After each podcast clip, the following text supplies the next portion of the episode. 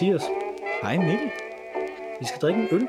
Vi drikker mm. jo i skoletiden, fordi det er sommerskoletid her i Øl og Ævl. Vi er på ferie, så det er faktisk ikke, øh, det er ikke til nærmelsesvis live. Det her det er optaget i forvejen. Og vi, øh, skal, vi snakker om fire forskellige tidsperioder. Sidste gang tog vi antikken. Den her gang der tager vi øh, middelalderen og renaissancen. Vi skulle slette nogle ting.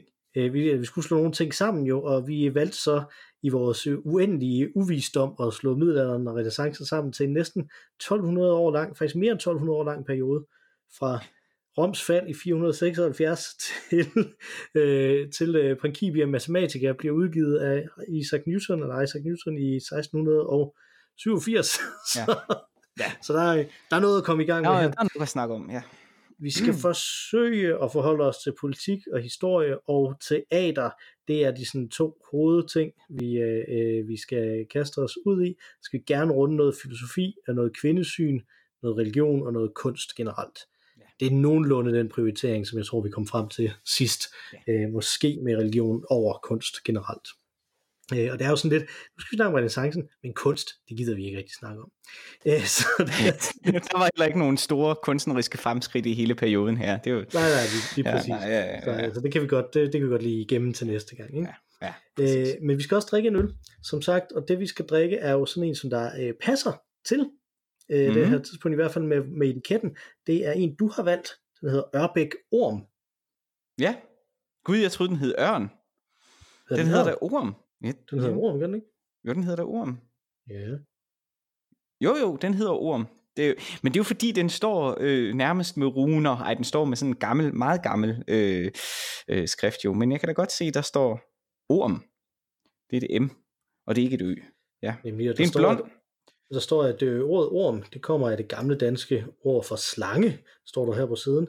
I mytologien har vi både Midgårdsormen og vikingskibet Ormen Hin Lange, som var vikingekongen Olav Tryggvasons enorme krigsskib. En orm er altså meget andet end bare dyr, der bor i jorden. Det er begrebet for den, der hugger hurtigt til og kommer først til slaget. Så yes. den økologisk bryggede øl her. Og så er den jo, øh, ligesom vores øh, emne øh, i dag, en utrolig omfangsrig øl, både i, i mængde og volumen. Ja, 75 centiliter, 6,5 procent. Yes. Skal vi øh, åbne den? Lad os det. Den har også sådan en festlig prop. Ja, den har, den har sådan en champagneprop, så først skal, skal vi lige skrue lidt, og så... Yes.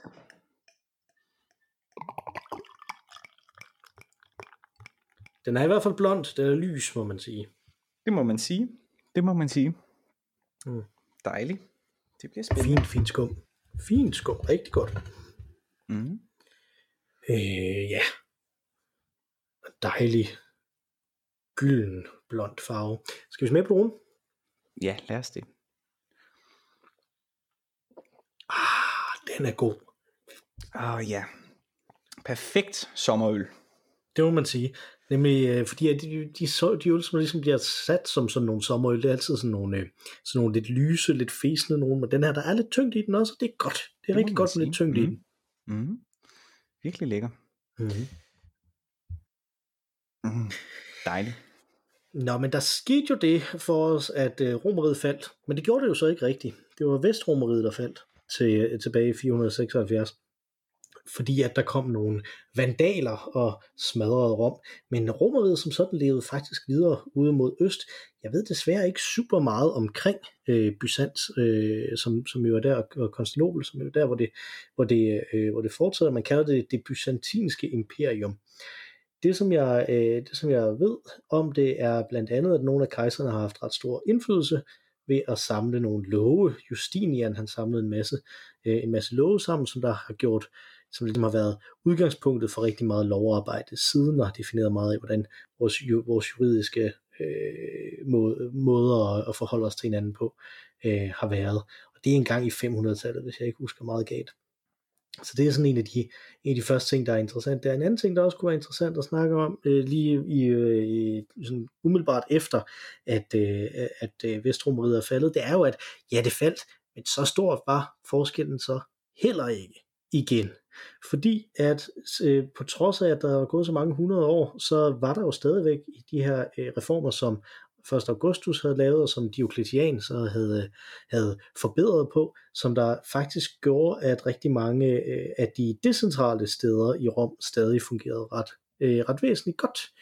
Øh, og det betød jo, at, at rigtig mange steder, der var det ikke så stor en forskel det var faktisk typisk en større forskel, hvis øh, romerne havde trukket sig tilbage fra et område, inden romeriet faldt, som for eksempel skete med Britannien, hvor, mm. øh, hvor de romerske soldater de ligesom forlod øh, England og, øh, og Storbritannien i det hele taget, før Rom øh, faldt, fordi at de skulle tilbage og slås i nogle, nogle af de mange borgerkrige, der var på det tidspunkt.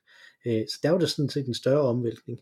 Øh, ellers så, så er der rigtig meget, som der fortsætter på, på meget den samme måde, men man kan sige, at en af de ting, som der øh, virkelig er, er, er forskelligt, er, at der ikke rigtig længere er nogen sådan lært centrum i øh, riget. At øh, mm. der er ikke længere sådan et, et kulturelt centrum for hele Vesteuropa, som, som Rom jo trods alt stadigvæk øh, var selv, selv så langt op i, øh, øh i, i Romerigets øh, i Romerigets historie. Og her er det nok også på sin plads at sige, at, at vi jo faktisk er ret eurocentriske i vores tilgang til det. Det skal lige øh, på plads også øh, her øh, i starten, at der er rigtig meget, som vi ikke rigtig øh, ved så meget om i, mm. øh, i løbet af det. Blandt andet det her øh, byzantinske øh, imperie, som der er der. Den institution, som ligesom er der, som der bliver ved med at, øh, at, at fungere, og som der bliver ved med at have en eller anden form for central sammenhæng, er jo øh, kirken som på det her tidspunkt er den katolske kirke, øh, den, øh, den kristne katolske kirke, som samler faktisk både øst og vest på det her tidspunkt. Øh, hvornår er det, de bliver skilt ad? Kan du huske det? Det øh, gør de i... Øh, øh, er det... Åh, 14? 14? Nej, jeg tror det er noget før. Jeg kunne kun forestille mig, det var noget før. Fordi at hvis man nu, hvis man nu laver lidt øh, sådan deduktion, ikke? Altså så... 13... Konstantinopel er jo sådan et af de steder, som når der kommer korstog, så kan de godt lide lige at vende rundt om Konstantinopel og rate det lidt også. Ja, men, og de begynder, de begynder jo i, i slutningen af år 1000, ikke? Så jeg forestiller mig, at det har været en gang der omkring. Har det det? Mm.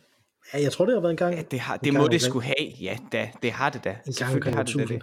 Øh, men, ja. øh, men inden vi kommer dertil, så synes jeg, det er på sin plads lige at runde øh, etableringen af det store øh, øh hellige øh, øh, romerske imperie, som jo sker med øh, Karl den Store. I, øh, I år 800, der bliver han kronet som kejser, efter at han har øh, samlet en masse store dele af Frankrig og Tyskland øh, og så bliver han simpelthen kronet som en ny romersk kejser, hvilket jo er lidt irriterende for dem, der stadig er romerske kejser i ubrudt linje over, til, over mod øh, øst, men altså det for ligesom at sige, at det er først der omkring, at der begynder at være en samling igen. Og nu hvor vi er i den her med, at det er middelalderen over for renaissancen, fordi vi, vi er jo meget tydeligt i middelalderen stadigvæk, når vi er i øh, år 800, øh, men middelalderen er jo faktisk noget, som man har fundet på at kalde det, fordi at øh, mm. man, øh, man selv synes i renaissancen, man var så gode, at alt det, som der var imellem antikken og så renaissancen, altså genfødslen af antikken, det kunne man bare kalde sådan en mellemalder. Øh, øh, og, og det, øh, det er faktisk lidt skægt, fordi at netop øh, Karl den Store og hans hof bliver betegnet af nogen som den første renaissance fordi at det er øh, mm. et af de steder, hvor der så igen bliver etableret, at der er et centralt sted, hvor, øh, hvor der er nogen, der lærer det. Man kan faktisk se det i Karl den Stores egen familie også, øh, fordi hans, øh, jeg tror det er hans far, eller også hans bedstefar, som der faktisk er konge over en masse folk, men ikke kan læse og skrive. Det kan Karl den Store. Mm.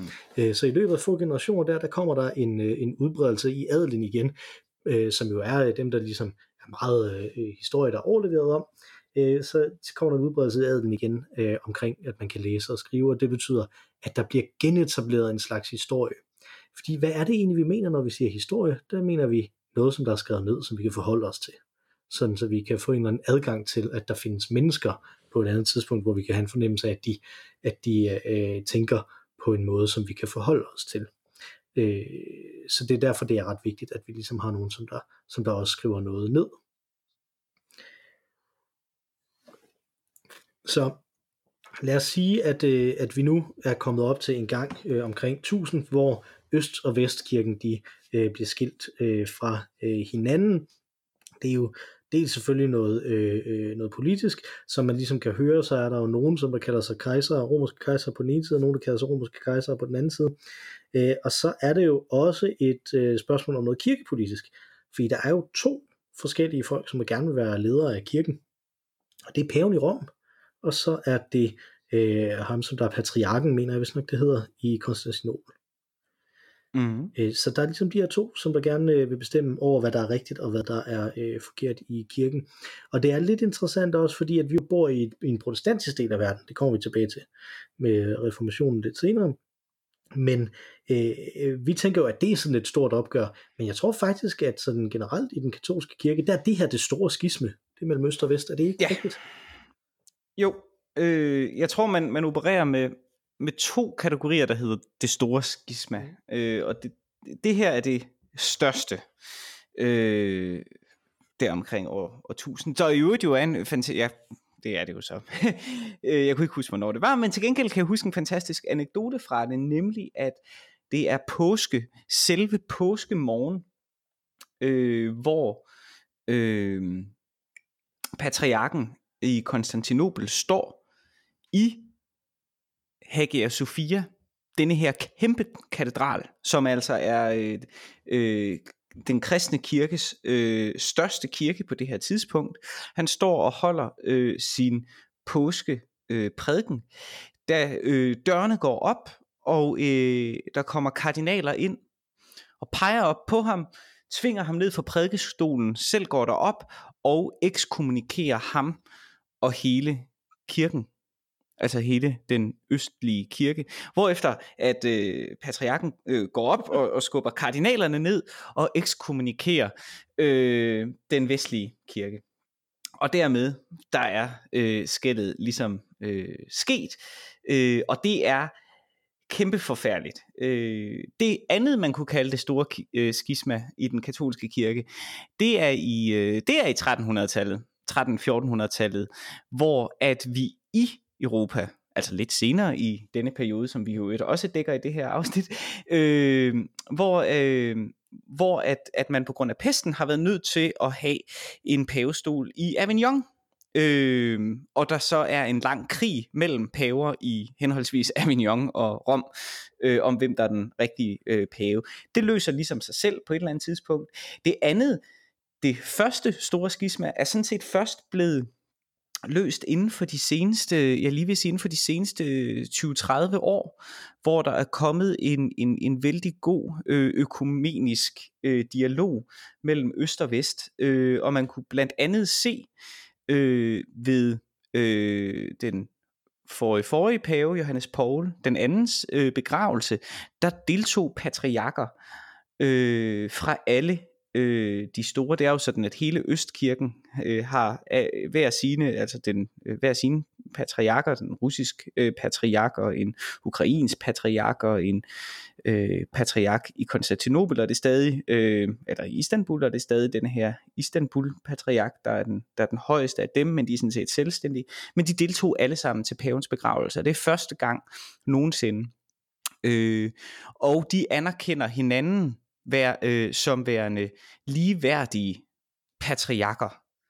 Øh, de anerkender også paven som værende en ligeværdig patriark, og paven retur anerkender dem som værende ligeværdige patriarker. Øh, men de anerkender ikke paven som paven, kan man sige. Nej, det er... Og, og, jo, og den sidste del, altså reformationen, jeg tror, det, det, det er nok mere øh, tabet af, øh, øh den anglikanske del. Altså, øh, hvad hedder han, Henrik? Den 8. Det er nok mere det, som man har et problem med, end, end Martin Luther. Jeg tror, at Martin Luther øh, betyder meget Danmark. Han betyder ikke sindssygt meget øh, af min fornemmelse i, øh, i Rom. Nej, øh, men, men lad os lige parkere den lidt, fordi at jeg synes, vi skal blive lidt i middelalderen stadigvæk, øh, mm. og vende tilbage til ham, Karl den Store, fordi at, at mm. det, der er interessant mm. ved Karl den Store, er også, at, øh, at han jo er, øh, han er jo omdrejningspunktet for hele den her ting, som der i hvert fald i gammeldags historieskrivning er enormt vigtigt omkring middelalderen, nemlig kampen mellem kongemagten og kirken. Fordi hvis vi, øh, hvis vi kigger på, hvordan vi tænker på kirken nu om dagen, så er kirken sådan en lidt sjov, øh, skæg institution, som måske kan være magtfuld og, og, og korrupt nogle forskellige steder, og kan være tandløs og, øh, og ligegyldig andre forskellige steder. Øh, men den var jo faktisk en slags stat på det her tidspunkt, og havde en, en magt, som der, som der lignede det, som vi ville kunne, som vi ville kunne genkende som en, øh, som en, øh, som en krigsherres, eller som en, eller som en bystats øh, magt, og fik jo også en del territorie øh, længere op i, i middelalderen, blandt andet mm. fordi, at øh, kirken og, øh, og øh, kronen jo tit slåssede om, hvem, hvem der skulle arve forskellige ting fra, øh, fra dem, som der for dem, som der var adelige, som der døde, som der ligesom skulle testamentere til den ene eller den anden. Og her er det så altså øh, netop det, at det lykkes Karl den Store at overtale paven til at krone ham, som der, øh, som der kan ses fra begge vinkler, ikke? Altså det er en slags PR øh, scoop for begge øh, sider, at øh, nu får kongen ligesom at vide, jamen mm-hmm. Gud har sagt, at det er rigtigt, at du skal være kejser, øh, så derfor har jeg divine rule, som man, øh, som man siger, øh, som er noget, mm. som Diocletian i øvrigt indførte for de romerske kejsere, at de, øh, at de var øh, guddommeligt udvalgt på jorden allerede. Tidligere, der var de først blevet udnævnt til det, efter de var døde, så var de blevet gjort til guder. Kan man ikke rigtig under kristendom. Øh, og øh, der på den anden side, så var det jo også et stort skub for paven, fordi paven så kunne bilde sig selv ind, at det var hans skyld, at ham den anden blev kejser øh, og kunne bilde ja. folk ind, at det var hans skyld. Mm. Ikke? Altså, det var så det, de slåsede om. Hvor kommer den her magt mm. egentlig fra? Og det er noget af det, som der er afspejlet rigtig meget op igennem, øh, op igennem middelalderen her. Hvis vi skal vende lidt filosofi mm. her allerede med middelalderen, det tror jeg kunne være meget godt, så er det jo øh, en af de ting, der er karakteristisk ved middelalderlig filosofi, det er jo, at den er i utrolig mange år er blevet komplet overset, i, øh, når man øh, fortæller om, øh, om filosofihistorien, hvilket jo er lidt spøjst, fordi den jo faktisk den strækker sig over en 500-700 år. Det er ret lang tid at bare sige, at det er ikke rigtig, det er vi ikke rigtig så interesseret i. Øh, og øh, man kan sige, at det, der øh, karakteriserer øh, filosofien her i middelalderen sådan som en overordnet ting, det er, at den skriver videre på de tekster, som man har adgang til. Den skriver videre på det af filosofien, som der er overlevet i Vesten hvis vi skal blive, øh, hvis vi bliver i øh, det vestlige Europa. Mm. Øh, og det er primært, og nu bliver du glad, Mathias, Aristoteles. Ja, det er Aristoteles jo. Han er, øh, han er overlevet i langt højere grad end, end Platon er. Det er faktisk nogle af de dårligere værker af Platons, der øh, typisk er overlevet her øh, til det her tidspunkt, så derfor så er det Aristoteles, som der danner grundlaget for det, som man kalder skolastikken, som er den universitetsfilosofi, som der findes på det her tidspunkt, som langt hen ad vejen bygger oven på den logik, som øh, øh Aristoteles og stoikerne de videreudviklede. Det er primært Aristoteles, der er i, øh, mm. øh, der er i, øh, i centrum øh, her. Og jeg, jeg synes, jeg vil nævne det, fordi jeg har Nej, det er, det, er, det er jorden. Det er jorden, der er i centrum. det er jorden, der er i centrum. jeg tror alt ikke. Trods alt ikke. Det er kun Aristoteles, der mente det andet. At øh, jorden, jorden kredsede om Aristoteles. Nej, hvem er det, der siger det? Archimedes? tror jeg. Ja, vi, vi har svært ved at undslippe ja. antikken, men det er jo sådan set også det, der er pointen, at øh, den europæiske historie har enormt svært ved at undslippe antikken. Øh, og specielt filosofien i den europæiske historie har svært ved det. Det kommer vi tilbage til i et senere afsnit. Øh, mm. Men rigtig meget øh, drejer sig om Aristoteles. Øh, der er det værd at nævne netop de her skolastikere. Jeg synes, det der er fantastisk ved dem, det er deres debatform. Øh, de, de debatterer rigtig mange forskellige mærkelige ting, fordi de prøver at forene ideen om, øh, om filosofi og rationalitet og logik med ideen om en åbenbaret sandhed. Fordi at alt det her ligger ind under kirkens øh, øh, hvad skal man sige, jurisdiktion. Det er dem, der øh, etablerer og og driver de her universiteter, som vi er på typisk. Øh, og det er dem, der har bevaret skrifterne også i deres øh, klostre, hvor sådan nogle øl som den her for eksempel kunne være blevet brygget. Øh, og, og det, at det gør, at, at de ligesom udvikler nogle meget formalistiske debatformer, og jeg synes simpelthen, det er så dejligt. Ideen med den, det er, ja, der er en, der siger noget, så skal den anden først gentage alle pointerne, som den første har sagt, før han må argumentere imod det. Øh, fordi at øh, man skal være sikker på, at, at man har forstået det det kunne man godt praktisere lidt mere, selvom det ville blive. Det synes jeg faktisk også. Jeg synes faktisk, det er en utrolig god måde at debattere på. Jeg tror bare, Fordi... ikke, jeg tror bare ikke, der vil være plads til Kærsgaard i det. Nej, det vil der sikkert ikke, men det kunne måske også være meget godt. Det ville være forfriskende i hvert fald, at der var lidt forskelligt også ja. i det. Ja. Jeg siger bare, at øh, hvis jeg skulle vælge en formand til Folketinget, ikke, så skulle det være en, som der gik ind for den her øh, debatstil. ja, her gentager man altså, hvad det ærede medlem har sagt inden. og det vil være langsomt lidt. Og meget, meget øh, synd i øvrigt for den stakkels øh, øh, skripter, eller hvad sådan en hedder. Ja. Øh, den, der skriver ned, hvad, hvad der bliver sagt til Folketingets taler.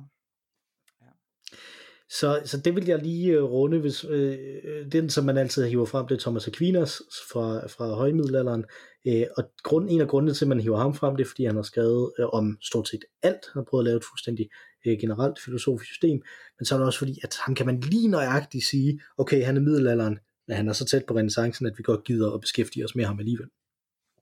Uh, mm. Igen, vi kan ikke anbefale nok, at hvis man er interesseret i det her, så lyt til The History of Philosophy Without Any Gaps. Der er, øh, han er lige nøjagtig nu nået til renaissancen, faktisk, kort tid efter, at vi øh, er begyndt, øh, kort tid efter, at vi, øh, eller kort tid før vi indspillede, vi indspillede den her episode, der er han øh, påbegyndt renaissancen. Så han er endelig kommet ud af middelalderen, øh, efter et Nå, 300 episoder. Fordi du sagde jo, Ja, du nævnte jo sidste gang, at han var opholdt sig ved middelalderen, og nu er han så i renaissancen. Mm. Så inden vi er færdige med dette afsnit, er han måske i, i oplysningstiden.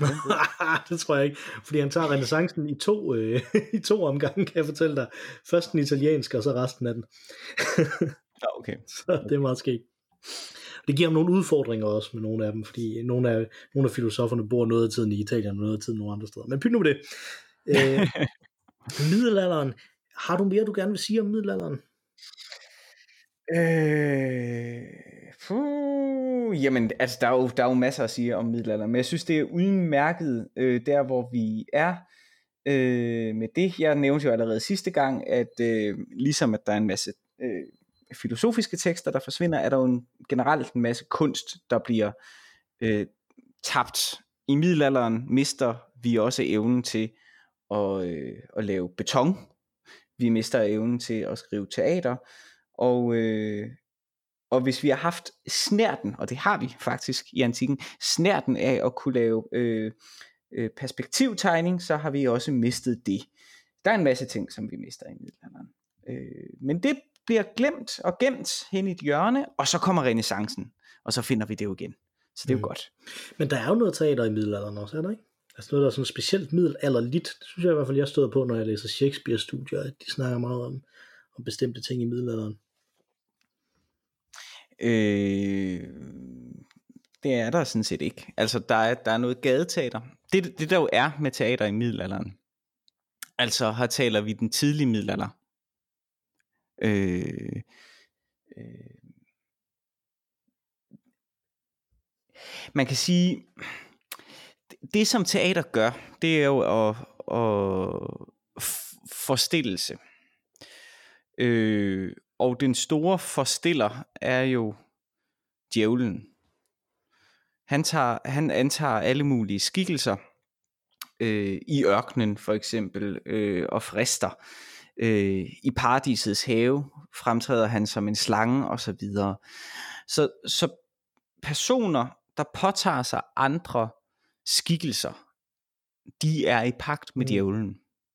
Og det er jo, øh, det er jo logisk, øh, og derfor så fra omkring år 200-300, øh, der forsvinder teater fuldstændig. Altså da, da, da, da Vestromeriet falder, øh, der er ikke mere øh, teater.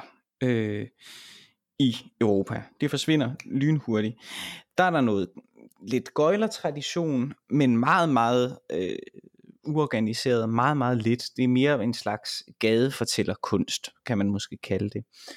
Øh, men så fra slut øh, højmiddel øh, eller i, i, i slutningen af, af den tidlige middelalder og hen over højmiddelalderen, der udvikler det sig så igen. Altså vi har tidlige øh, skrifter, som jeg har nævnt tidligere også, blandt andet fra øh, Hildegard af Bindingen, øh, fra omkring, ja det må være omkring år 700 eller sådan noget, hvor at, at teatret udvikler sig, som jeg nævnte sidst også, øh, som sådan en call response ind i messen. I påskemessen, der, der er der jo øh, øh, øh, denne her skikkelse, som spørger øh, de to øh, Mariaer, øh, hvem søger I? Og de svarer, vi søger Jesus, og så siger dette væsen, der viser sig at være øh, en engel, øh, Herren er opstanden. Og det er jo dialog, der findes i Bibelen. Og tager man den dialog og, og lader præsten være øh, englen og menigheden være de to Mariaer, jamen så har du lige pludselig en vekselsang. Og det var præcis på den måde, som, som vi jo lærte sidst, at, øh, at øh, dytyrampen udviklede sig til den græske tragedie, så øh, opdager vi så her i, i, i højmiddelalderen, at øh, den messens automatiske vekselsang kan udvikle sig øh, til, til teater. Og, øh, og det bliver så mere og mere formaliseret. Øh, der bliver skrevet egentlig, det her er jo bare en lille passage øh, fra øh, øh, passionsugens øh, liturgi. Jeg mener, det, det må være øh, påske-liturgien, øh, hvor i det indgår. Øh, øh, men øh, det bliver så mere og mere formaliseret, og man, der begynder at komme egentlig personsspil, øh, som først er inde i kirken, indtil de bliver så sofistikerede, at de er meget, meget store, og egentlig teaterforestillinger, og så bliver de ligesom bragt uden for kirken.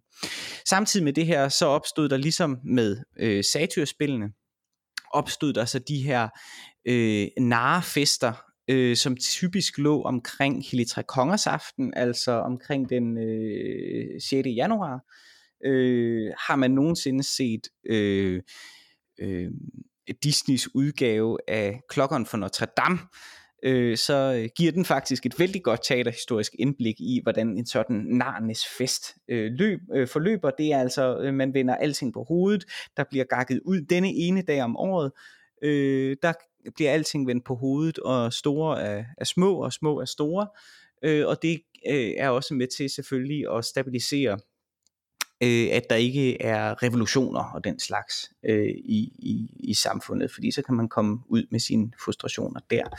Øh, så for det tidspunkt, altså omkring øh, det 7. århundrede, øh, der begynder teateret så at komme tilbage i sådan noget præ-Shakespeare. Øh, Men ellers så skal vi jo sådan frem til øh, renaissancen, før at teatret for alvor igen begynder at blomstre. Ikke? Men, men du har noget tidligt øh, fra, fra højmiddelalderen. Yes. Hvornår vil du mene, vi har renaissance? Hvornår holdt alle folk op med at, at gå rundt i rustning, og så begyndte de at male i stedet for? øh, jamen, det, jeg synes, altså, jeg, et sted mellem, nu mm. siger jeg et tal, og jeg ved ikke, om det er der, der rammer, men man siger jo, at 1350, der haver øh, pesten på sit allerhøjeste, mener jeg. Det er, ikke? Og, øh, og det, der sker der, der sker nemlig nogle interessante ting. En interessant ting i menneskets øh, tankerække på det her tidspunkt, det er jo den her udbredte memento mori ting. Øh, og det er måske lidt retrospektivt, at vi ligesom putter memento mori ind i den. Øh, fordi mennesket har på det her tidspunkt sandsynligvis ikke været helt vildt bekymret øh, for at dø. Eller rettere, vi var jo gode kristne, da vi rendte rundt der i middelalderen, så vi, vi glædede os måske lige frem til at dø. Vi var ikke helt vildt bekymrede, så at sige, om at leve. Øh, det der sker, da pesten haver, og en tredjedel af Europas befolkning dør i de her år, fra 47 til 50, 1347 til 50, der øh, begynder mennesket at sætte gravsten. Det har man ikke gjort tidligere i Europa, øh, som vi kender dem i dag i kirkegårde, hvor at jævne mennesker sætter en sten. Det har det kun været for konger og så videre. Jævne mennesker begynder på det her tidspunkt at sætte sten, fordi de gerne vil vise, at de trods alt levede. Så der sker en ændring i, øh, i, i vores forhold til liv og død på jeg det her tidspunkt. Hvilket tror, også kommer jeg, til jeg, udtryk. Jeg vil lige øh, bryde ind med det her, fordi jeg tror også, at det en af de ting, som der er, som der er forskellen her, det er, at, at jævne mennesker bliver interesseret i en offentlig tilstedeværelse, altså en offentlig markering af, at de har været der. Fordi at, at hvis man går tilbage til sådan, mm. hvordan romeriet tænker døden, så har de jo øh, øh, faktisk helt, rigtig, rigtig mange af dem har jo sådan nogle øh, anetavler og ane, sådan forfædrenes øh, ansigtsmasker og den slags. Så det er ret langt ned i, i de sociale klasser, at, at man ved, at de har haft det også. Men der har det jo været sådan en privat ting, som der hører familien til, og som der ikke er sådan udad til, at, at at man, øh, at man praler med det på, øh, på den måde. Der er, er jeg fuldstændig med at der er det typisk mm. forbeholdt for, for dem, som der er, som der er længere oppe i, i det sociale øh, hierarki. Måske ikke nødvendigvis helt op i adelen kun, men, øh, men, en del, øh, men en del længere oppe med, med en del penge.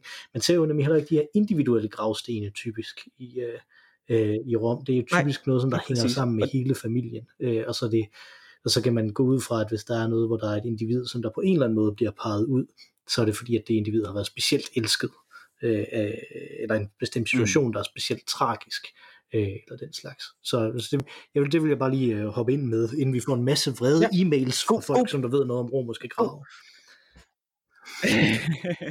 Jamen, jeg tror, jeg tror nu også, min pointe var, at i den kristne tradition, indtil dette punkt, havde man ikke set det. Øh, men det, der sker lige præcis samtidig med det, det er, at det kameraen skrives øh, Boccaccio's værk. Og Boccaccio øh, handler jo netop om denne her dødsfrygt. Det kameron starter med, at 10 mennesker flygter ind i øh, Santa Maria Novella, kirken i Firenze, øh, og er mega bange for at dø, og for at få tiden til at gå, mens de sidder derinde i kirken og venter på, at, at verden omkring dem falder fra hinanden og dør af pesten, begynder de at fortælle hinanden historier. Øh, så jeg vil sige deromkring. Og så ved jeg godt, at Dante jo har skrevet inden det tidspunkt. Og det burde jo i virkeligheden starte med ham. Og han skriver jo i, ja, han skriver vel nærmest 100 år før. Men, men jeg synes, ved Boccaccio øh, er et godt sted at starte. Ja, og som, som jeg nævnte før, så kan man jo sætte det rigtig mange forskellige steder. Ikke? Altså, jeg nævnte jo, at, øh, at Karl den Stores øh, hof blev kaldt en renaissance også. Jeg tror, der er meget få, der vil argumentere for, at så var der ligesom renaissance derfra. Men øh, det blev også ligesom kaldt sådan en renaissance. Og der var også i øh, både i 1100- og 1200-tallet var der en del øh, nyoversættelser af nye antikke øh, tekster, som der kom fra øh, fra den islamiske verden, fordi at en ting, som vi jo ikke, øh, som vi ikke har nævnt øh, lige nu, fordi vi jo netop er så eurocentriske, det er jo, at der kommer en ny monoteistisk religion i år 600, som øh, jeg synes næsten, vi bliver nødt til at nævne det øh, faktisk op mod renaissancen her, fordi at, at det er jo en, øh, det er en øh, religion, som der spreder sig helt fuldstændig vanvittigt eksponentielt hurtigt. øh, ud fra, øh, fra der, hvor den bliver øh, grundlagt, og så øh, faktisk øh, spreder et imperie ud over det meste af Nordafrika og det meste af Mellemøsten, øh, og også rækker mm. ind i Europa i Spanien. Øh, og øh, i, vi, det er et, øh, også en religion, som der jo har en guldalder, som der faktisk øh, også kan lægge claim til at være en slags renaissance, øh, nemlig fra 762 ja. til 1258. Mm øh, kan, man, kan man typisk datere den, som er, øh, som er meget øh, præget af en lang række filosofiske videreudviklinger af øh, Aristoteles og Platon, også inden for den her, øh, det her med, hvordan forener vi det her med et, øh, med et øh, åbenbarings en åbenbaringsreligion. Ikke? Øh, og mm. rigtig mange af de ting, som, øh, som bliver overtaget senere hen, eller som, der kommer, som vi kender i vores vestlige europæiske filosofihistorie, som noget, der kommer fra nogle øh, vesteuropæere, er i virkeligheden noget, som der kommer fra mange af de her steder. Meget af Aquinas kommer for eksempel fra noget af Avicenna og sådan nogle ting. Øh, og det er vel Spinoza, der er den store Nej, filosof? der er vi lidt længere henne. Der er vi i 1600-tallet. Er vi længere frem der? Han er en stor Nå, okay. jødisk filosof, Spinoza jo. Øh, Nå, han er jødisk. Nå, jeg han have... var okay. Det trækker nu, nævnte, nu nævnte jeg Avicenna og Averroes er også en, som, øh, som giver mening øh, og, øh, og, og undersøge. Igen, hvis man vil vide noget rigtigt om det her, så gå til Philosophy Without Any Gaps. Mm. Der er en hel serie om øh, islamisk øh, filosofi, fordi det faktisk er ham, der laver den, Peter Adamsons øh, speciale. Men hvorfor stopper det i 1258? Det kan jeg godt forklare dig. Det er fordi i 1258, øh, der bliver Bagdad invaderet af øh, nogen vi kender, mm. som, øh, som vi ligesom har i vores kollektive bevidsthed stadigvæk, øh, nemlig mongolerne. som er, øh, jeg, Mm. jeg mener, at Genghis Khan er død på det her tidspunkt, jeg kan simpelthen ikke huske det, øh, men det er i hvert fald øh, ham eller nogle af hans børn eller børnebørn, som der kommer og øh, invaderer, øh, øh, invaderer det muslimske imperie, og, øh, og Bagdad falder, og der i Bagdad, der ligger der simpelthen noget, der hedder Visdommens Hus, som ligner lidt, øh, hvad skal man sige, en blanding mellem akademiet og Lykaion i Athen, og så, øh, og så det store bibliotek i Alexandria, som sådan et lærdomssted, hvor, hvor rigtig meget af det går tabt. Øh, hvis der er en ting, som man kan sige om mongolerne, så er det, at de er ret ligeglade med skrift. De er en meget øh, oral tradition, som de, øh, som de har, så derfor så øh, er de ret ligeglade med de her bøger også, så de forsvinder, eller det gør de nemlig ikke. De bliver nemlig faktisk taget væk fra Bagdad øh, og reddet over i Vesten, hvor de bliver oversat tilbage til noget latin. Øh, samtidig så er det også, og jeg ved ikke helt præcis hvordan og hvornår, men i Konstantinopel, der bliver der også oversat rigtig mange ting øh, tilbage til græsk, af, øh, af tekster, der ellers faktisk er blevet oversat over til arabisk. Så det er også lidt, øh, lidt interessant det her med, hvordan de her tekster, de vælter frem og tilbage på forskellige sprog. Øh, og nu er vi, kan vi oversætte vi dem jo så rask væk gerne til øh, dansk og, øh, og engelsk og den slags også, øh, og finder på helt nye vokabular Mm. øh, for dem. Men min pointe er, at Mm. øh, jeg er sådan set meget enig i, at det nok er der omkring øh, med, øh, med, at vi kan, vi kan begynde at snakke om renaissancen. Men hvis vi skulle sætte noget på, så tror jeg faktisk, at det her 1258 ikke er så dumt igen at sige, at det er der omkring, hvor der begynder virkelig at være en, en influx af, øh, af, af lærte fra, øh, fra den islamiske verden til øh, Vesteuropa igen. Altså, jeg vil sige, jeg vil, jeg vil sætte det lidt senere.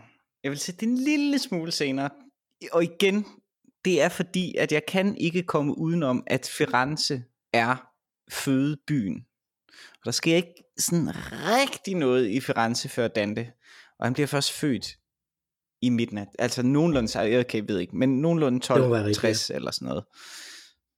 Så, så, så sådan der omkring vil jeg gerne købe. Men, men, øh, øh, men jeg synes, det vil være forkert at sige, at det starter et andet sted end i Men det gør det Norditalien. heller ikke. Det starter i Norditalien, men fordi at de flygter derhen, var jeg lige ved at sige, at, at teksterne kommer derhen. Ikke? Altså, Mm, mm. øh, og det er jo øh, primært fordi, at, at Platon bliver genoversat rigtig meget. At det, der er, det er det, der er interessant for de her øh, mennesker. Fordi hvis vi skal hurtigt lige sige noget om, hvad det er, der er, øh, der er renaissancen, så er det, det, det, som, vi, som vi var inde på før, så er det jo ikke, fordi filosofien er forsvundet, men filosofien har boet inde på universiteterne, og boet på klostrene, og boet øh, i øh, det her, øh, i det her øh, højt uddannede akademiske verden.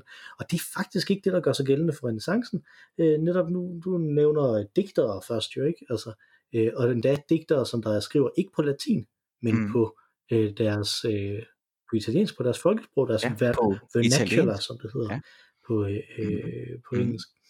Øh, og det er, øh, det er ekstremt vigtigt at huske på, at det her det faktisk er et opgør med den her skolastiske tradition, som jeg lige roste til skyerne før, som langt hen ad vejen er, øh, er powered på et filosofisk plan af, at Platon bliver, øh, øh, bliver geno- genoversat igen og bliver, bliver ligesom gjort tilgængelig, fordi at han jo er en modvægt til Aristoteles, og en mere poetisk modvægt, end, øh, øh, end Aristoteles er. Øh, og med ikke nødvendigvis i hans stil, det ved jeg godt, du ikke er så vild med Platons stil, men han er det i hvert fald i sit indhold, ikke med sit fokus, ikke på de her, han har ikke de her forskellige kategorier og den her systematiske tilgang til verden, som Aristoteles har. Han har en lidt mere, hvad skal vi sige, for at bruge det anachronistiske udtryk, en lidt mere romantisk tilgang til verden. Sådan en skuen, øh, som, øh, som gør det lidt øh, nemmere. Mm. Vi vender tilbage til lidt filosofi lidt senere, øh, tænker jeg. Men jeg vil gerne lige sige, i forlængelse øh, med det der, altså hele denne her periode jo slutter jo også med øh, oversættelsen af, af Bibelen, King, den her King James Bible, øh, som er fra begyndelsen af 1600-tallet. Ikke? Men lige midt i det her, det er jo her Johannes Gutenberg laver øh, sin øh, printing press, press Bibel. Øh, så det sker jo også. Altså, så en ting er, at det bliver oversat, ting bliver oversat til originalsprog, eller til, både tilbage til originalsprog, men også til andre øh, læselige sprog. Øh, og øh, digtere begynder at skrive på deres øh, moders, øh, modermål, modersmål, øh, men ting begynder også at blive trygt her fra, fra, øh, fra midten af 1400-tallet. Øh, det er jo sindssygt vigtigt. Altså vi lige pludselig har et, øh, et massemedie på spil. Det har vi jo ikke set før. Det har vi ikke. Jeg synes, der er også en anden, et andet argument, man kunne komme med, og det er netop, når du kommer med, om hvor renaissancen er. Øh, og det er netop, når du kommer her med, med pesten, som, som jo er den, den sorte død, der kører fra 1300 til 1400. Mm. Så det, det store udbrud er midt i, i 1300-tallet, det er rigtigt. Øh, som, som jo i den grad fuldstændig smadrer dele af Europa. Øh, og det meste, hele Europa er, er påvirket af den, men, øh, men en fuldstændig vanvittig øh, epidemi. Øh, og langt hen ad vejen, så er det jo også du siger, vi er gode kristne, så vi er ikke så bekymrede for, om vi dør eller ej, men det er jo så netop det, vi bliver med renaissancen, fordi at det netop renaissancen sætter mennesket i centrum i langt højere grad, øh, som et modsvar på det her, mm. men jo først dem, der er overlevet det, om man så må sige. Altså, det er sådan en traumatisering, som der kommer øh, af generationerne bagefter. Og der er også nogen, der argumenterer for, at renaissancen faktisk først begynder med 1400. Øh, det er lidt svært at få ind, fordi at vi netop har alle de okay. her mm. øh, store øh, italienske øh, øh, kunstnere og store italienske øh, sådan tænkere i 1300-tallet allerede. Men, øh, men hvis man nu kiggede på det bare sådan rent øh, kunstmæssigt, de fleste folk de snakker om renaissance kunst også, og der vil alle folk tænke på de fire øh, skildpadder, som der, øh, som der lavede en masse af kunsten, nemlig Raphael og Donatello og øh, Michelangelo og øh, Leonardo øh, som der jo øh, alle sammen var samlet i Firenzes kloakker, øh, og blev øh, lært, hvordan de skulle lave kunst af en menneskelig rotte. Ja, har ved navn Spendetti. Spendetti, tror jeg faktisk, han hed. Nå, nej, øh, men de er jo opkaldt efter de her øh, kunstnere, og de er jo alle sammen efter 1400. Så, øh, så det, det, det, hvis, jeg tror, at det har meget at gøre, hvor man sætter præcis de her skillelinjer, har meget at gøre med ens faglighed at, øh, at du kommer fra sådan en mere litterat side, øh, og hvis man kommer fra en mere kunsthistorisk side, så vil man sige der, og jeg tror, at man som filos- øh, filosofi person nok også vil være tilbøjelig til at være øh, hen i retningen af 1400 og, øh, og frem langt hen ad vejen, fordi at det er det der, der begynder at være nogle interessante nye filosofer, der tager det her op. Det er allerede blevet taget op i litteraturen før, med øh, ideen om tilbage til, øh, til antikken og den italienske renaissance humanisme, øh, bor jo netop i slutningen af, øh, af 1300-tallet også. Må jeg, må jeg lige spørge dig om noget, Mikkel? Hmm? Hvem er din yndlings renaissancekunstner? Det er Michelangelo, det er der ingen tvivl om. Øh, og Min det er helt klar Botticelli. Venus i Østers, det er bare godt. Mm. Ja, jamen, ja, ja. Jamen, jeg tror, vi har snakket om det før. Øh, at, at der er det her, men det er, for mig der er det jo bare den der svulmende øh, kropslighed, der er i Michelangelo. Det kan jeg simpelthen ja, ikke stå for. Altså. Øh, og Botticelli, øh, der tænker jeg, at det kompositionen er, er fantastisk, typisk. Men ikke Nej, det, er, jeg, synes, det, jeg synes, det er... Øh, øh, absurdismen. Altså, det, er så, mm. det er så symbolsk lavet. Det er symbolisme nærmest.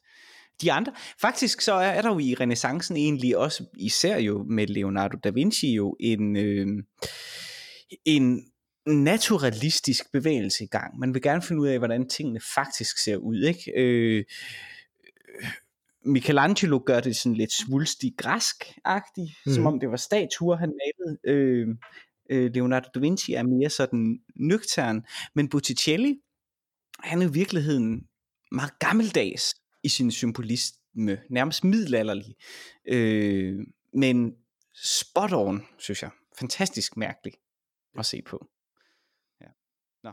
nu afbryder jeg dig i... Øh... Nej, det synes, det synes jeg ikke, men nu, nu har vi prøvet at fastsætte, øh, at fastsætte noget resange. Vi har fået snakket noget kunst faktisk også, som vi jo, som vi jo ja, talte om, vi nok ikke vil nå. Så det, Politik det, har vi ikke snakket om. Politik har vi ikke snakket særlig meget om, nej. Men jeg synes, vi bliver nødt til at nævne også, at, at en ting, jeg tror, vi bliver nødt til at nævne, at en ting, som, som vi faktisk er sprunget lidt over, som er lidt uretfærdigt, at vi springer over, øh, det er øh, vikingetiden. Ja. Som jo ligger ja øh, og, og strækker sig fra, øh, fra noget middelalder og op i nærheden af noget renaissance nærmest. Vel. Ja, det må man sige. Øh, og det er jo en, det er en stor ting. Altså der har vi jo vores, i, i, i Norden vores egen lille tids øh, øh, inddeling øh, mellem øh, antikken og øh, middelalderen, det vi kalder vikingetiden, ikke? Mm-hmm. Øh, som jo selvfølgelig er en øh, skandinavisk storhedstid på mange måder. Øh, generelt kan man måske sige om hele det her kæmpe spektrum, vi dækker lige nu, er det jo i en opbrudstid, og det var vikingetiden jo også. Vi har nogle af vores allermest drabelige øh, fortællinger øh, derfra. Og, øh, og så var det jo også fødslen for øh, vort modersmåls øh, skrivekunst. En ting er, øh, hvad der står på runerne, øh, men der var jo øh, fremragende øh, krønikeskrivere. Øh, vi kender nogen øh, fra Island, som jeg var inde på øh, sidst. Øh, nogle sagaer. Lidt senere har vi jo også nogle øh, Danmarks historier og, og nogle folkeviser, som bliver nedskrevet øh, og den slags. Mange ting er skrevet på sten, men øh, det skal man jo heller ikke kæmpe sig af. Nej, det er et godt solidt materiale. Det er det nemlig. Altså, det hvis, er det. hvis bare vi havde skrevet det hele på sten i det, i det store bibliotek i Alexandria, eller i Visdomshus i Bagdad, så ville vi have det nu. Præcis. så, Lidt svedt ja. måske, men vi vil have det. Men, øh, men det er da super, det er da super interessant. Og, og jeg vil sige, nu hopper jeg lige lidt frem i tiden igen, fordi det, noget vi også skal nå at snakke om, det er øh, øh, kvindesyn.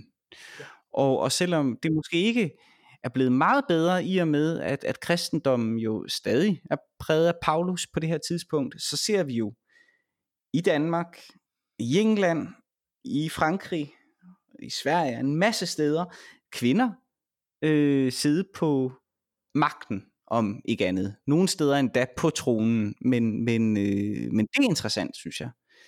Øh, at vi faktisk har nogle virkelig stærke øh, kvindeskikkelser, politiske kvindeskikkelser, øh, i en tid, som ellers jo også var præget af øh, heksafbrænding og, og forfølgelse. Ikke så meget måske i, i, i Danmark på det her tidspunkt, det kommer faktisk først efter reformationen, men Jeanne d'Arc for eksempel, en øh, stærk kvindeskikkelse, som dog bliver brændt. Men, øh, men i Danmark har vi jo også Margrethe i England, øh, en række dronninger, øh, også før øh, Elisabeth den første. Ja. Øh, interessant. Ja, så har vi jo øh, også øh, Eleanor Aquitaine, som er en af de store skikkelser i, øh, i europæisk politisk historie. Øh, og, og jeg, synes, jeg synes nemlig også, det der er interessant her, det er, at det er næsten umuligt for os at snakke om kvindesynet rigtigt her, øh, hele, vejen, hele vejen igennem der, fordi det er så bredt. Altså det er simpelthen så mange år, og så mange forskellige kulturer, der er, øh, øh der er involveret i det her også.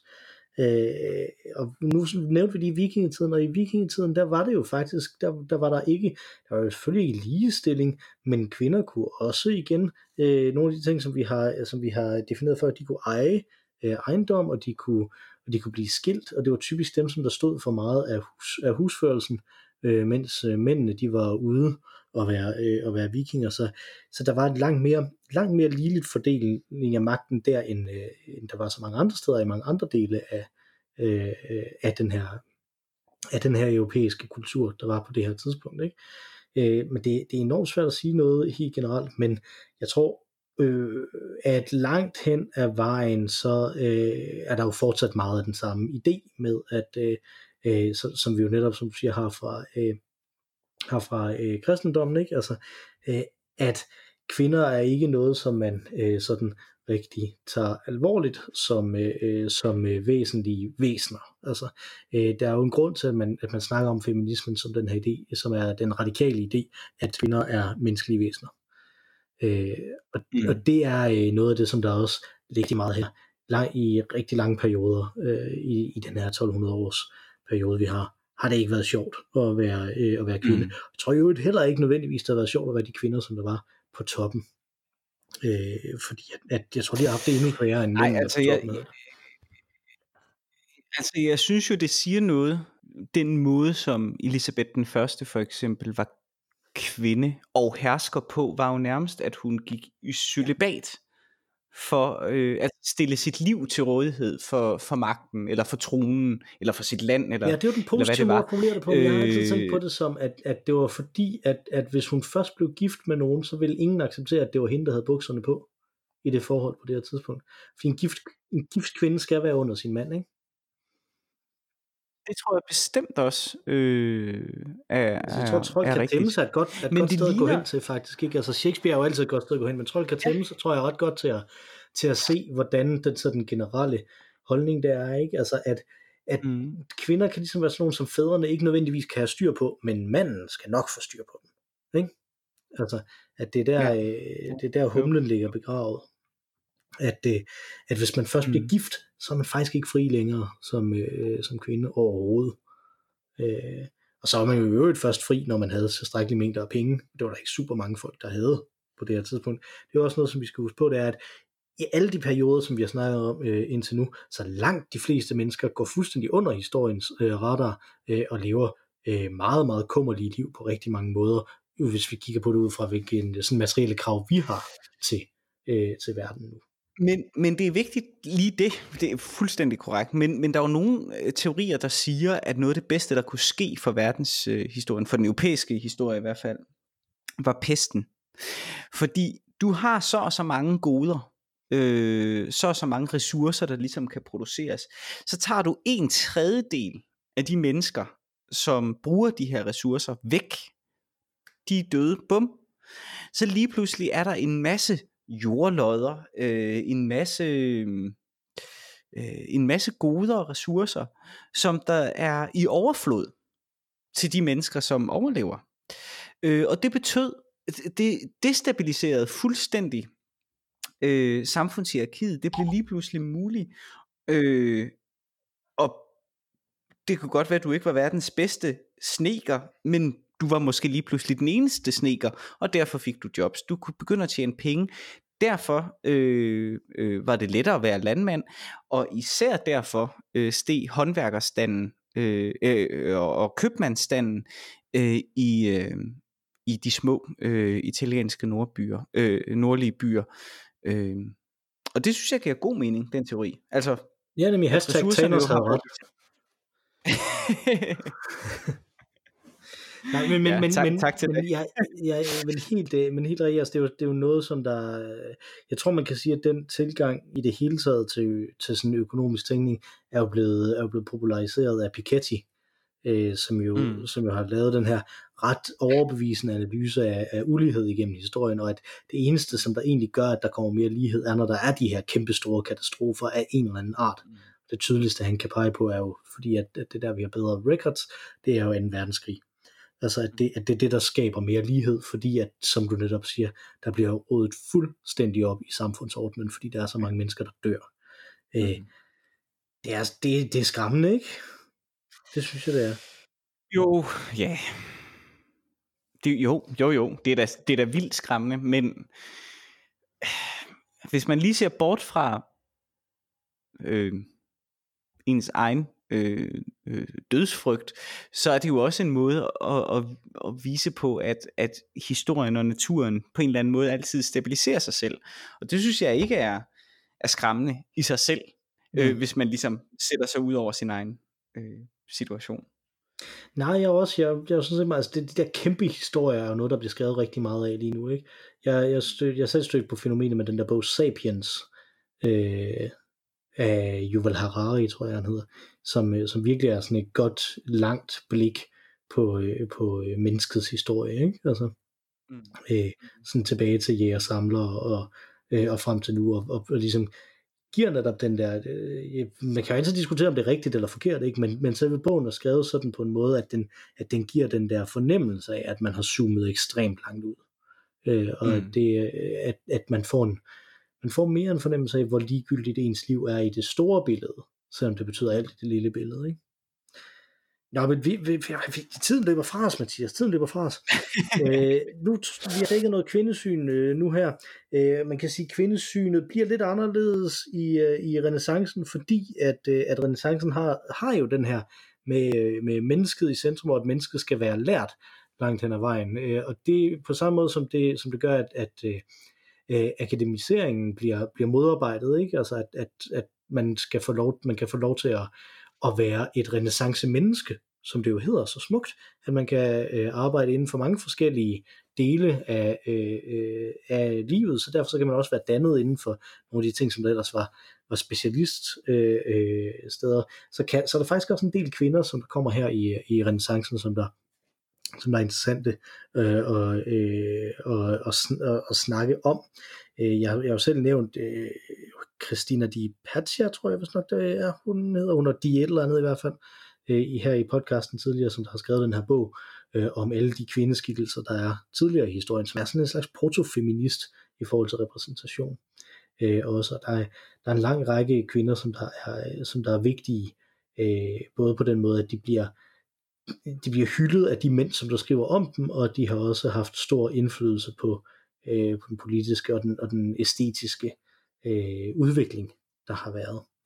Øh, så, så, så det er også værd at tage med. Men jeg ved, at du vil øh, sparke mig hårdt bag, hvis jeg ikke giver dig lov til at snakke lidt om renaissanceteater også. Nej, altså nu har jeg jo snakket lidt om middelalderteater, men, men det opstår jo bare øh, mere eller mindre, og så bliver det jo bare øh, virkelig forfinet i, i renaissancen. Øh, vi kender jo nok bedst øh, det elisabethanske teater, øh, Shakespeare, øh, ham kunne jeg snakke længe om, øh, så det vil jeg måske egentlig ikke. Øh, eller hvad? Nej, det må du selv om. Jo, altså, men, men samtidig med kan man sige, der øh, er der jo i Frankrig øh, en, en tilsvarende øh, forfinelse i gang, som, som kaldes den franske klassicisme, som minder meget om, altså ret uafhængig af hinanden, så bliver man ligesom enige om, at skuespil skal fortælles øh, i fem akter, det kender vi jo fra Shakespeare, og det skal fortælles på øh, vers. Øh, og det er jo sig selv øh, underligt. Øh, Shakespeare han skifter jo øh, mellem sine øh, blankvers, øh, øh, som er, er vers, øh, som øh, som ikke rimer, og så sine, øh, når de taler særligt ophøjet, så, så rimer de så. Øh, i, I Frankrig, der skriver de på øh, Alexandrinervers, tror jeg måske. Øh, og i begge tilfælde, der er det faktisk øh, det samme. Øh, øh, de skriver øh, Molière, øh, der skriver de det her på, øh, på Alexandrine vers, mener jeg det er, de skriver på på fransk, fordi det efterligner bedst muligt øh, øh, det franske sprog. Ligesom man i, i Grækenland faktisk skrev på øh, Dithyrampen, fordi det, den mindede mest om den måde, som øh, det græske sprog øh, faldt oh, på. nu har vi noget, øh, jeg kunne det... snakke længe om, men det vil jeg lade være med. Nå, okay. tak. Øh, men, men det er meget interessant. Det er fordi, at øh, man har sådan et, øh, et begreb, der ligesom gennemsyrer kunsten på det her tidspunkt, som jo selvfølgelig kommer tilbage fra antikken, og det er det her mimesis begreb, at, at kunsten skal øh, efterligne verden, eller ligne øh, verden. Øh, og derfor skal de selvfølgelig tale ophøjet, fordi det jo er jo kunst, øh, kunstigt, øh, men det skal selvfølgelig også øh, ligne øh, virkeligheden. Øh, og man finder så ud af, at det er rigtig godt at skrive i fem akter, og det har sådan en klar dramaturgisk øh, forløb, som jo altid Shakespeares skuespil altid handler om, mere eller mindre, i hvert fald hans kongedramaer. Der er en, der har magten, der er en anden, der gerne vil have den. Midt i det hele, så øh, får ham, der gerne vil have den, han får den ved at slå den anden ihjel, mm-hmm. og den sidste halvdel er så hans fald, øh, hvor der så er en anden, der gerne vil have magten, og så den kører øh, det store Shakespeare-jul øh, så rundt. Øh, I øvrigt så vil jeg sige, en af mine øh, sommerferielæsningsprojekter øh, er at læse øh, fra øh, Henrik den øh, 4. del 1 og 2, Henrik den 5. Øh, Henrik den 6. del 1, 2 og 3 og Richard den 3. Fordi jeg ved at læse øh, disse øh, ni, må det være, Shakespeare stykker, øh, får hele Rosenkrigen indkapslet. Det er jo faktisk en ting, du ser meget om, og jeg har aldrig om gjort det er et problem for historieskrivningen, at, at der eksisterer de her geniale Shakespeare-stykker, som der, som der omhandler det, som ikke sådan super duper er historisk korrekte. Så. Det er da et kæmpe problem. det er det, altså, som vi også talte om sidst, altså problemet er, hvis man virkelig kan skrive, så definerer, er man jo med til at definere historien. Ikke? Øhm, og så det er da et, det er da et ja, det er potentielt set et jamen, kæmpe problem. Slutligt vil jeg lige sige om, om franske må, må, klassicisme, må med en ting, at Molière, han skriver i... Der. Øh, det er bare fordi, at, at vi har nævnt dem før øh, BBC's øh, indspilninger øh, af Shakespeare, som de lavede tilbage i 70'erne og 80'erne. Øh, og der er faktisk et af, de, et af de mesterværker, der er der, som er fuldstændig overset, fordi at, øh, at alle folk de siger, at det var bare noget tv, som de har lavet, det er faktisk filmatiseringerne af øh, øh, Henrik den 6., 1, 2, 3 og Richard den 3. Det er virkelig, virkelig godt. Så når du, når du har læst det, så har du lyst til at se en, en virkelig god sådan, filmatisering af det som teater, som det jo er, så er det, øh, så er det virkelig værd at se dem. Det, det vil jeg gøre. Øh, de har også lavet, de har faktisk lavet en ny en uh-huh. for ikke så mange år siden. Netop også over de fire. Ja, jeg tror de er i gang med at lave dem nu, ikke, eller har de øh. lavet dem? Og så de startede med, de startede med de første de af dem, som du, som du snakker om, du vil læse. Og så med Richard den anden også. Ja, og så ligger der en uden for nummer, øh, som hedder Edvard den anden som er, øh, man lavede jo teater, gesamtkunstværk-agtig, eller hvad hedder sådan noget, øh, devising-agtig. Øh, så der findes en tekst, som ikke er tilskrevet nogen, øh, men hvor man kan se, Shakespeare mm. har bidraget til, øh, Christopher Marlowe har også bidraget til, som hedder Edvard den anden, mener jeg, øh, som er kongen, øh, som er ham, det hele starter ved, hele Rosenkrigen starter ved, ved at han dør, så vidt jeg kan huske. Så, men det er jo rent Game of Thrones stof. Det er fantastisk.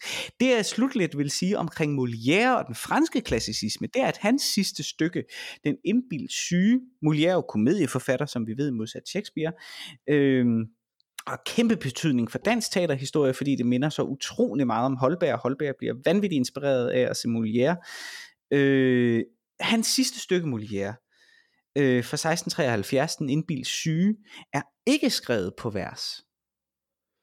Og det er sådan helt en revolution. Lige pludselig, der har du monologer, som bare er helt almindeligt talt sprog. Og så dør han, og der ender min forelæsning så om øh, renaissance-teater øh, for nu. Men øh, der er masser af guf der. Der er fremragende dramatikere. Ikke mindst øh, University Wits, øh, som de hedder, alle de her store øh, engelske øh, øh, ja, som jeg, på det som jeg, som jeg læste så, i som jeg læste i London Review of Books forleden, så er det største problem ved at være en elisabetansk eller, eller jakobinsk øh, dramatiker, det er, at du kan have skrevet nok så godt, men den eneste grund til, at nogen husker det, det er, at du måske engang har mødt Shakespeare. Nej. Ja, ej, det ved jeg ikke. Christopher Marlowe. Christopher ja, Marlowe. og ham har, har nogen trods alt også hørt om uden for vores nørdekredse. Men, øh, men alligevel. Øh, vi, vi er ved at løbe fuldstændig tør for tid, men vi skal lige snakke en lille bitte smule om filosofi og religion øh, i renaissancen også, sådan mere øh, generelt. Den øh, store oversete filosof fra, øh, fra 1400-tallet, som ikke er så overset mere, men det var han i rigtig lang tid, det er Nikolaus Cusanus, øh, som øh, ekstremt overbevisende argumenterer for et, en gammel idé, som han har, øh, som han har opdaget i, øh, igennem øh, nyoversættelser af Platon, nemlig Protagoras' idé om, at mennesket er altings mål. Øh, og meget, meget overbevisende gør op med hele ideen om, at, at det, der er interessant, er de store systemer, og at mennesket ligesom bare passer ind et eller andet sted i den her store metafysik, øh, men at det i stedet faktisk er mennesket, der er beskueren af hele verden, og det er det, som der, øh, som der gør ham, øh, øh som der gør ham, øh, som der gør verden til noget. Altså det er, øh, det er her perceptionen kommer ind som den, som den store rammesættende kategori i filosofihistorien igen. Eller igen, fordi den blev, den blev argumenteret meget kraftigt imod af netop Platon og, øh, og Aristoteles. Ikke? Men, øh, men her bliver den så, her kommer den til øh, ære og ret igen. Øh, og det er jo så noget, den her med, at mennesket er altings øh, mål, og, og opgør med de store systemer, er jo noget af det, som så føder ind i reformationen som er, som er den anden mm-hmm. store bevægelse. Vi snakker, vi kan rigtig godt lide at snakke om renaissancen, og det er jo fordi, at, øh, at vi jo har nogle katolske rødder i den her podcast øh, på mange måder, så derfor så, så kan vi godt lide renaissancen mere end reformationen, øh, men reformationen er mindst lige så vigtig for at forstå verdenshistorien, som renaissancen er. Øh, reformationen tager jo netop den her det her opgør med de store systemer og de store institutioner og flytter den ind i den største institution, nemlig kirken, øh, og, og sætter mennesket i centrum. Her igen, altså det, hvis man skal sige det helt fuldstændig øh, øh, banalt, så kan man sige det på den måde, at i øh, den katolske kirke, der er præster noget, som der øh, indgår i et bestemt hierarki, som er lidt tættere på Gud end alle de andre, og i den protestantiske kirke, der kan hvem som helst være en præst, hvis bare man stiller sig op og snakker foran folk. Øh, det er sådan den overordnede kæmpe store forskel, der er på de to øh, ting. Men det, som jeg synes, der er interessant ved det, det er den politiske øh, overbygning på det, at øh, grunden til, at protestantismen virkelig får øh, luft under vingerne, der sker nemlig jo allerede i 1400-tallet, det er, at der er en del, som der samler op på de her tanker, og prøver at gøre en eller anden form for oprør. Det lykkedes ikke rigtigt før i øh, 1500-tallet med Martin Luther, som vi har snakket om før, som er den store reformator, ham og så Calvin er de store, to store pro, øh, protestantiske reformatorer, hvor tro det eller lad være, hvis man har læst nogle af hans senere skrifter, så er Luther faktisk den mest progressive af de, øh, øh af de to. Øh, Calvin han øh, gifter sig meget kraftigt med determinisme, som er, øh, som er en blindgyde i forhold til filosofihistorien her på det her tidspunkt. Ikke? At, øh, øh, at det er jo sådan set, det der er interessant det, ved, ved Luther, og det som der tiltrækker øh, magten, mænd, fyrsterne rundt omkring i Europa, øh, til, øh, til Luther, det er ideen om, at, at mennesket kan tage sin egen skæbne i sine hænder her på jorden. Øh, at det er øh, ikke de værker, man gør, men den øh, tro, man har, der frelser en. Øh, og det betyder, at man, øh, at man bliver fri til at kunne gøre alle mulige ting, uden at kirken skal godkende det her på jorden. Øh, og det er meget politisk interessant. Jævnfør vores snak fra tidligere om netop kampen mellem kronen og øh, kirken. Rigtig meget politisk filosofi handler om lige præcis det her. Og det spiller så ekstremt godt sammen med den epistemologiske filosofi, som sagt, hvor mennesket i langt højere grad kommer i centrum.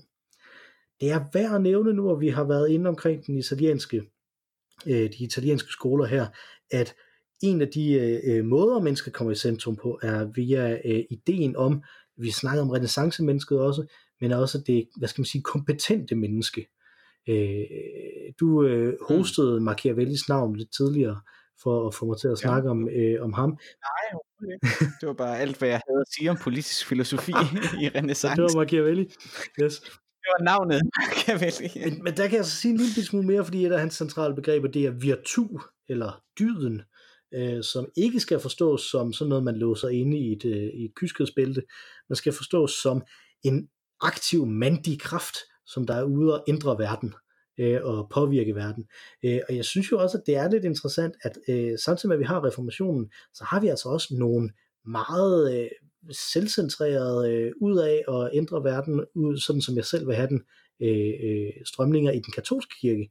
Helt op til toppen, hvor vi har øh, nogle øh, ganske ubehagelige paver, hvor min øh, yndlingspave jo er, øh, åh, hvad, jeg kan ikke huske hans, øh, hans pavenavn, men han hedder Borgia, øh, eller de er fra Borgia-slægten, øh, ikke? Oh, de der Borgia-folk. Øh, og der er en af dem, som der hedder Syfilis-paven, øh, fordi at han øh, til synligheden skulle have haft syfilis. Øh, men øh, det, det gamle, øh, det, den gamle joke er jo, og det er jo ikke rigtigt, den gamle joke er, at syfilis kom til Europa fra Amerika, efter man opdagede Amerika i 1492. Øh, mm. og han var blevet pæve før det. så det var, derfor, det var derfor joken var der, at øh, han gik i seng med hvem som helst. Det var i øvrigt i middelalderen, at man indførte, at, øh, at øh, katolske øh, præster og deroppe af øh, ikke måtte øh, have sex med nogen, celibatet skulle være der. Så. Ja, fordi det var jo mere, det var jo mere munkene, der ikke burde gøre det, ikke? kunne man sige, indtil det tidspunkt. Ja, lige præcis. Altså, der har været askese altid, men som sådan en helt generel en, jeg kan simpelthen ikke huske, hvilken pave det er, øh, der indførte det, men det er en middelalderpave. Så, så lad os sige det, sige det med renaissancefilosofien, at, at der hvor vi ligesom efterlader mennesket er, øh, at øh, vi er midt i et opgør, vi er midt i en tanke om, at øh, at mennesket ligesom skal i højere grad sætte sig selv i centrum, som også bliver spejlet i nogle af de videnskabelige opdagelser, der bliver gjort, nemlig, øh, nu snakker vi om, hvad der var i centrum tidligere, man har altid tænkt, at jorden var i centrum, men det bliver jo opdaget af Copernicus også i den her periode, øh, at øh, øh, i slutningen af den her periode, at øh, det faktisk er solen, der er i centrum for vores solsystem.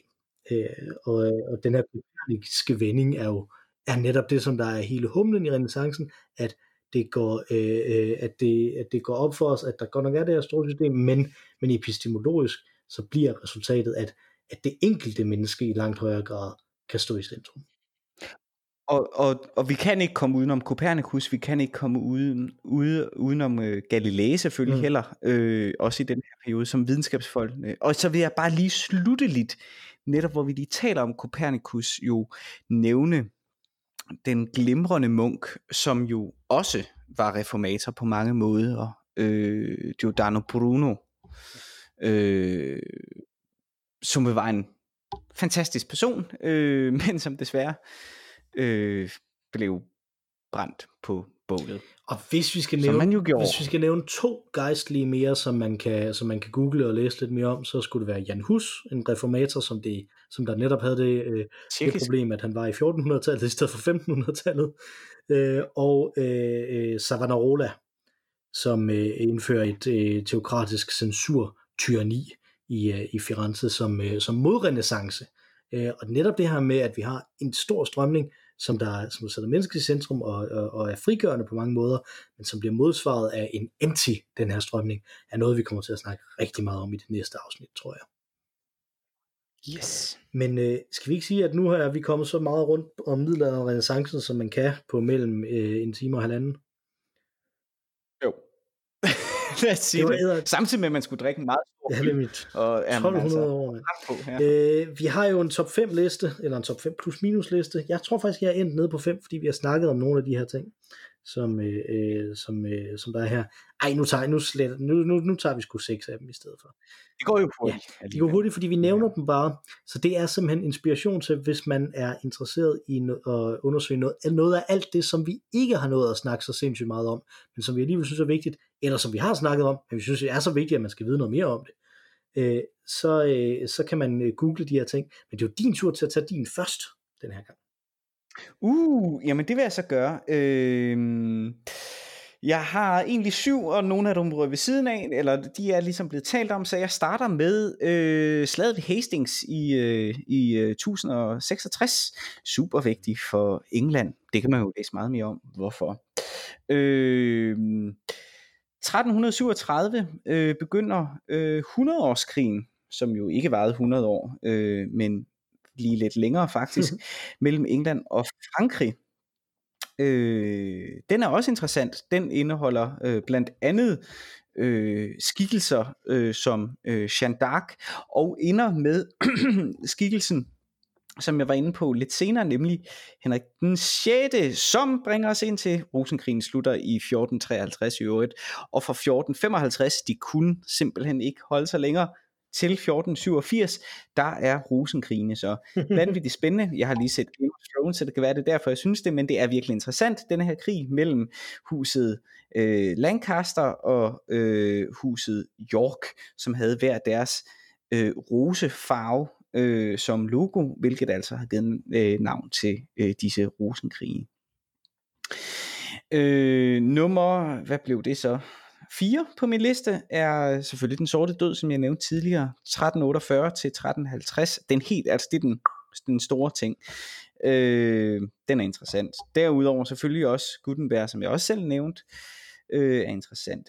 Slutligt, der vil jeg sige, det mest interessante årstal i hele denne her periode, overhovedet, synes jeg, er året 1492. Mm. Fordi det var bare, altså, jeg ved ikke, hvad det modsatte af, Annus Horribilis er. Øh, men det var i hvert fald det, det var for Spanien. 1492, Spanien øh, får endelig generobret øh, hele sit land øh, fra, fra muslimerne, som havde været der, som vi har talt om tidligere, og som havde gjort så meget fantastisk for landet. Nu får de det øh, igen, de får de sidste ud, og sejler øh, til øh, Amerikas som det jo ikke hed på det tidspunkt, men altså ukendt territorium øh, mod vest. Meget spændende. God liste. Øh, jeg øh, kommer her med mine, og jeg kommer også altså med seks styks. Øh, året uden sommer, 536. Det, øh, hvis man ikke ved, hvad det er, så kan jeg kort fortælle, at det er en vulkan, der går i udbrud og simpelthen spærrer for solen i et år i hele Europa. Ja. Det er et meget spændende år, øh, og er kåret til det værste år at være i live af mange historikere. Islams guldalder, den er så stor, vi har overhovedet ikke gjort den retfærdighed. Slå den op, læs mere om den, lær mere om den. 762 til 1258. Konstantinopels fald i 1453. Hvis man kunne sige det, så kunne det måske også være meget godt at tage øh, en gang i starten af 1200-tallet, der invaderer Venedig, Konstantinopel. Den er også meget interessant, fordi at der, det er faktisk der faldet begynder. Et meget langsomt fald. Konstantinopels fald i 1453 er interessant, fordi det er der romeriet rent faktisk falder. Og så har jeg en her, Shakespeares karriere fra 1590 til 1610. Den, øh, jeg vil sige sådan, jeg er glad for, at du havde den sorte død på din liste, fordi det er den, jeg har slettet for at få plads til Shakespeares karriere. Åh, oh, hvor godt, hvor godt. Jeg synes simpelthen, det er så vigtigt. Øh, det er det der. Det er det. Det, det er det, og på kun 20 år. Nå, øh, så har jeg en, en dobbelt en her, ligesom jeg havde øh, en, øh, en krig og en fred sidst, så har jeg her 30-årskrigen fra 1618 til 1648 og den vestfalske fred 1648. Det her suverænitetskonceptet kommer ind, fordi at det er øh, 30-årskrigen er en krig, en religiøs krig mellem protestanter og katolikker, Øh, og det bliver simpelthen løst med den vestfalske fred, hvor det for første gang bliver etableret, at der findes stater, der har suverænitet over deres øh, territorie, som er grundlaget for al international retsorden senere. Hen. Øh, og så har vi i 1648 også, så der er også sådan et, øh, et godt år, om man så må sige, det er der, Descartes udgiver sine meditationer, Ah. Og det er kronen på værket i forhold til den øh, menneskes øh, centristiske tanke, øh, og, og den måde at, at sætte, øh, sætte tonen an for oplysningstiden og revolutionerne, som vi skal videre til øh, næste gang. Næste gang, der dækker vi nemlig 1687 til 1848, som er oplysningstiderne og, og revolutionerne frem til øh, Paris-kommunen, hvis jeg husker rigtigt.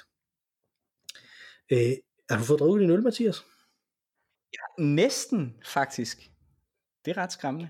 Jeg har et godt, god tredjedel glas igen, så, så er der ikke helt endnu.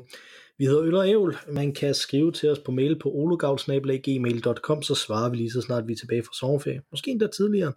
Eller man kan tweete til os på snabelag ologavl. Man kan også gå ind og rate os på sit på sin podcast app of choice, Apple Podcasts for eksempel, øh, så kan man give os en femstjernet øh, anmeldelse, hvis man synes, at andre skal udsættes for det her, og vi findes også på SoundCloud. Øh, og øh, med de ord, så vil jeg overlade ordet til... Åh, oh, nej, jeg har helt glemt, vi skal lige ringe skolen ud. Oh, thank God. Og så vil jeg overlade ordet til Marini, som er den fantastiske bluesanger, der har den bedste temasang i hele podcastland. Take it away, Marini, og tak for denne gang, Mathias.